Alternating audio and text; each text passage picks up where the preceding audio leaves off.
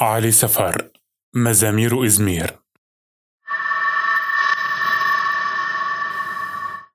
فجأة نبت للرجل زعانف وأمسى قادرا على الخوض في البحر الأزرق المخيف حتى أنه استطاع أن يفتح عينيه تحت الماء ليرى القاع حيث كانت هناك نفايات معدنية مهترئة والكثير من أكياس النايلون العالقة بالصخور.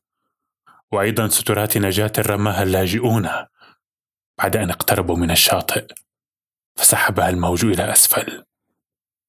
الموت لا يدل الرجل الذي بزعانف غريبة على طريق إلى الشمال. كما لا يرشده إلى حورية بحر فقط يمضي إلى حيث يمكن أن يكون غريقا بكرامة إنسان.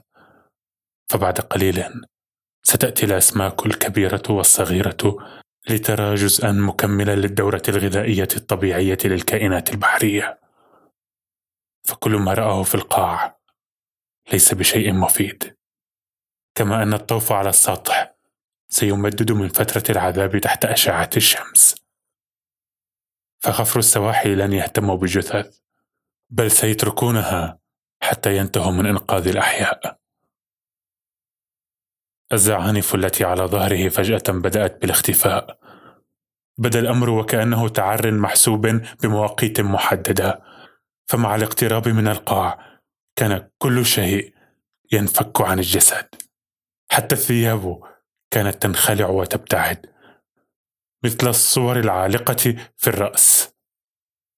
صور شتى. وطن هدمه الطغاة. مسالك الهروب بين الحدود. وجوه المهربين رفاق الركوب في البلم. صراخ الرعب من تسرب المياه. كان القاع يناسب الغريق في عريه بينما كان البحر الأزرق في الأعلى يبدو كحليا مائلا للموت قليلا.